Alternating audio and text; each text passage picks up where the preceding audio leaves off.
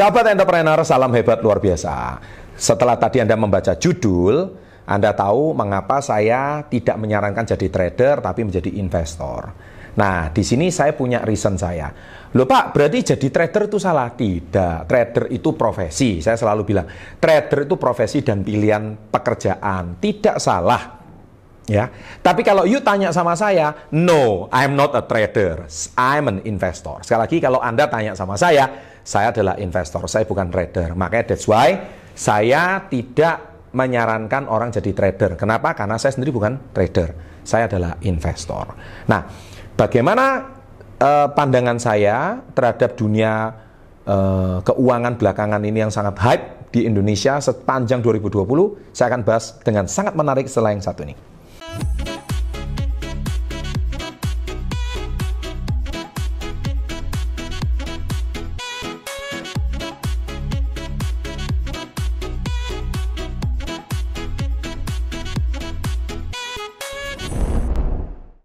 Oke, sahabat entrepreneur. Jadi saya di sini eh, baru-baru uh, saja membaca satu berita dari Investor Daily. Ini saya bacakan ya.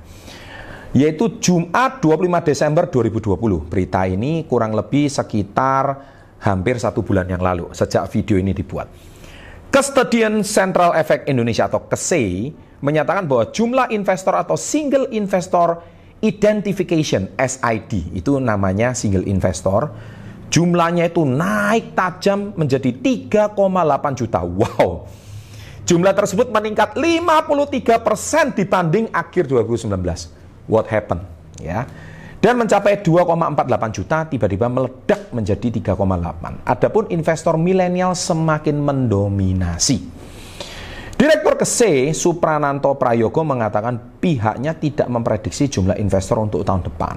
Namun dengan melihat histori penambahan jumlah investor dari periode Oktober sampai November, pihaknya memperkirakan jumlah investor pada akhir 2020 bisa di atas 3,8 juta orang. Adapun penambahan investor sebanyak 216 ribu itu dalam satu bulan, sampai akhir tahun diperkirakan ada penambahan 200 ribu orang. Wow, ngeri ya sampai 21 Desember 2020. Sementara itu, Direktur KSE Urip Budi Prasetyo mengatakan kendati tidak bisa menargetkan pertambahan investor, pihaknya harus mendukung terjadinya lonjakan jumlah investor dari sisi infrastruktur. Apabila jumlah investor sudah mencapai 5 juta orang, apakah kami siap untuk menghadapinya? Tantangan kami adalah menyiapkan infrastruktur yang siap untuk menghadapi itu. Nah, beritanya cukup banyak, ya, dan intinya saya cuma ingin sharing mengapa ini menjadi hype? Ya, saya punya reasonnya. Dan yang kedua, saya bacakan berita kedua dari kontan.co.id. Ya, jadi saya membacakan berita. Nah, di sini eh, lonjakan investor milenial menjadi sesuatu yang sangat meledak dan sangat luar biasa. Saya di sini eh, membaca berita tadi dari investor, sekarang saya baca dari kontan.co.id. Inilah wajah pasar modal tanah air milenial kuasai 45,74 persen sebaran investor di bursa. Berita ini tercatat pada tanggal 22 Juli 2020. Kestadian KSE telah melakukan edukasi terhadap investor milenial agar mau berinvestasi di pasar modal. Saat ini tercatat jumlah investor 2,9 juta, sedangkan investor di reksadana mencapai 2,1 juta. Untuk jumlah investor pasar modal pada akhir 2019 mencapai 2,4 juta, bla bla bla dan seterusnya. Nah, sementara itu demografi investor individu masih dipegang kalangan milenial. Nah, mencapai total aset 11,67 triliun. Beritanya saya berikan semua di kolom deskripsi, Anda silahkan baca di sini. Lalu usia 31-40 tahun mencapai 24,57 persen dengan aset 32,58 triliun. Ini sangat menarik. Usia 41 sampai 60 mencapai 9,24 persen dengan aset 87,24 triliun. Jelas, karena orang usia 40 sampai 60 duitnya lebih banyak, meskipun angkanya kecil, tapi triliunnya lebih banyak. Sedangkan milenial jumlahnya kecil-kecil, tapi jumlahnya besar. Asetnya 32,58 triliun. Sedangkan di atas 60 tahun ke atas jumlahnya 4,63 persen, tapi asetnya 216 triliun. Karena nah, kakek-kakek dan nenek-nenek di atas 60 tahun duitnya jelas paling banyak. Adapun menurut jenis kelamin, pria masih mendominasi 60%, perempuan 39,80%. Yang menarik lagi, status pendidikan. Rupanya status pendidikan pelajar menguasai 40% dengan aset 80 triliun. Wow.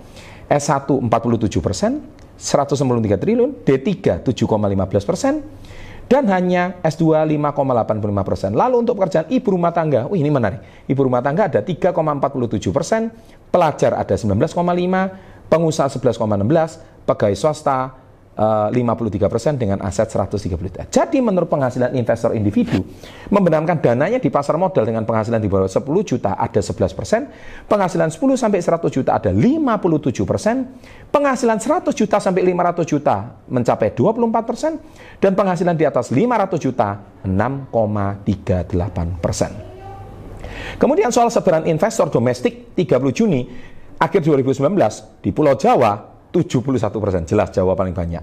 Ya, di luar pulau yang lain. Nah, Direktur KSE mengatakan bahwa penerapan teknologi, kemudian teknologi itu sangat membantu. Nah, ini penjelasan semua. Nah, apa tujuan saya membacakan berita seperti ini?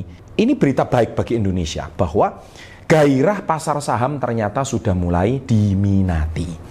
Dan karena ini sangat diminati dan para milenial mungkin sudah terbuka, kemudian akses juga sudah lebih mudah dan banyaknya edukasi finansial yang lebih baik yang membuat para milenial ini tergerak e, menginvestasikan modalnya di saham.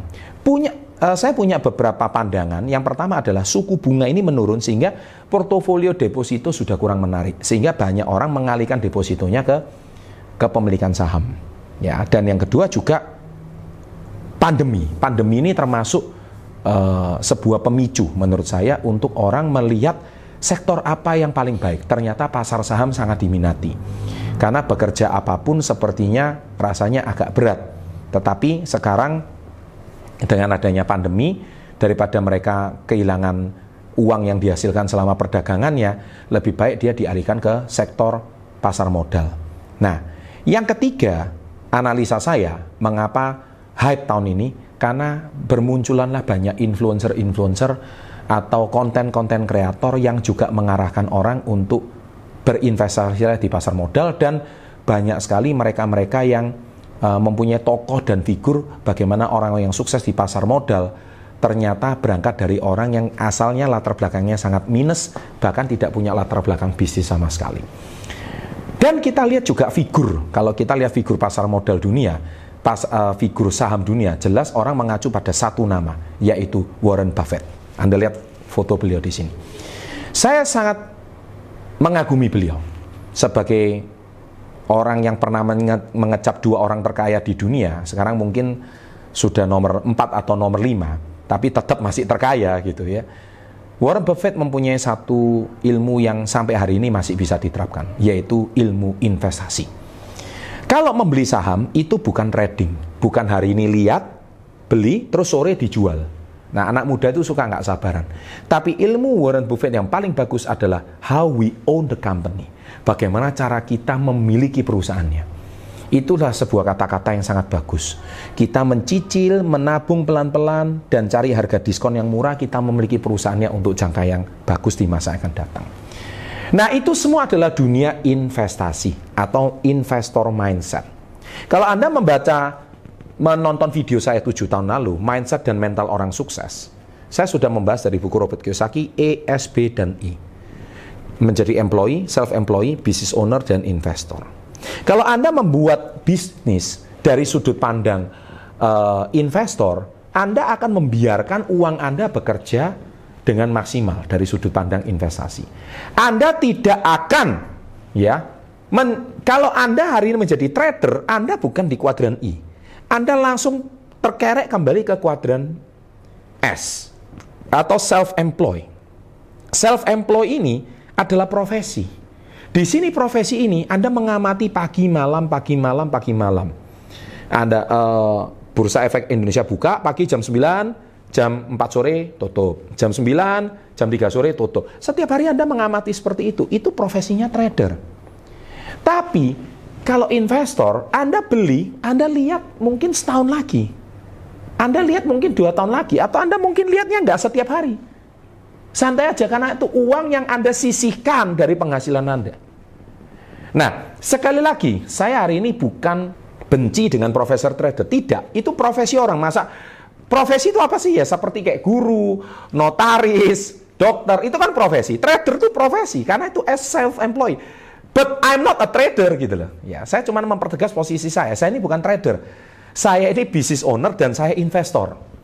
Ya, saya di kuadran B dan I. Saya bukan kuadran S.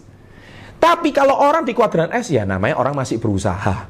Ya, beli pagi, jual sore. Beli pagi, jual besok. Itu profesi. Pak Chandra lakukan, no, I don't do that. I have a business. Saya punya peng, saya punya perusahaan. Saya punya bisnis yang saya kerjakan. Jadi saya tidak akan menjadi kuadran S gitu loh. Saya bisnis owner, saya tidak akan kembali ke kuadran S. Saya tidak. Gitu. Tapi bagi anak-anak muda sekarang yang masih berprofesi trader ya silahkan gitu ya. Anda silahkan berjuang. Nah, terus ada orang yang bertanya juga seperti konten-konten yang pernah saya buat, Pak, trading for living atau living for trading? Saya selalu bilang kalau trading for living itu sudah pasti mati.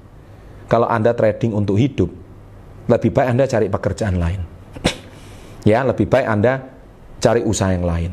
Karena trading for living menurut saya tidak saya rekomendasikan. Ini kalau saham ya, sekali lagi saham. Jadi saya mau bedakan apa itu beda saham, apa itu beda forex, apa itu beda dengan futures, itu semua sangat berbeda. Oleh sebab itu, saya mau tegaskan, saya tidak menyerang profesi trader, tapi I'm not a trader, I'm an investor. Bagaimana dengan mereka yang trader? Fine, this is your profession. But if you ask me, kalau Anda tanya sama saya, I'm not interested to be a trader. I'm not interesting. Ya, yeah? because I'm an investor. I have a business running well. Why should be I am become an investor? I, uh, sorry, why should be I become a trader? Ya, yeah? if you now a trader, it's your choice. Itu pilihan Anda, but not me. Ya, sekali lagi itu profesi Anda. Baik, sekian review dari saya. Sukses selalu. Jangan lupa like video ini, share pada teman-teman Anda yang pengen jadi investor, ya. Dan one day milikilah perusahaannya, bukan cuma beli pagi jual sore. Sukses selalu, and salam hebat luar biasa.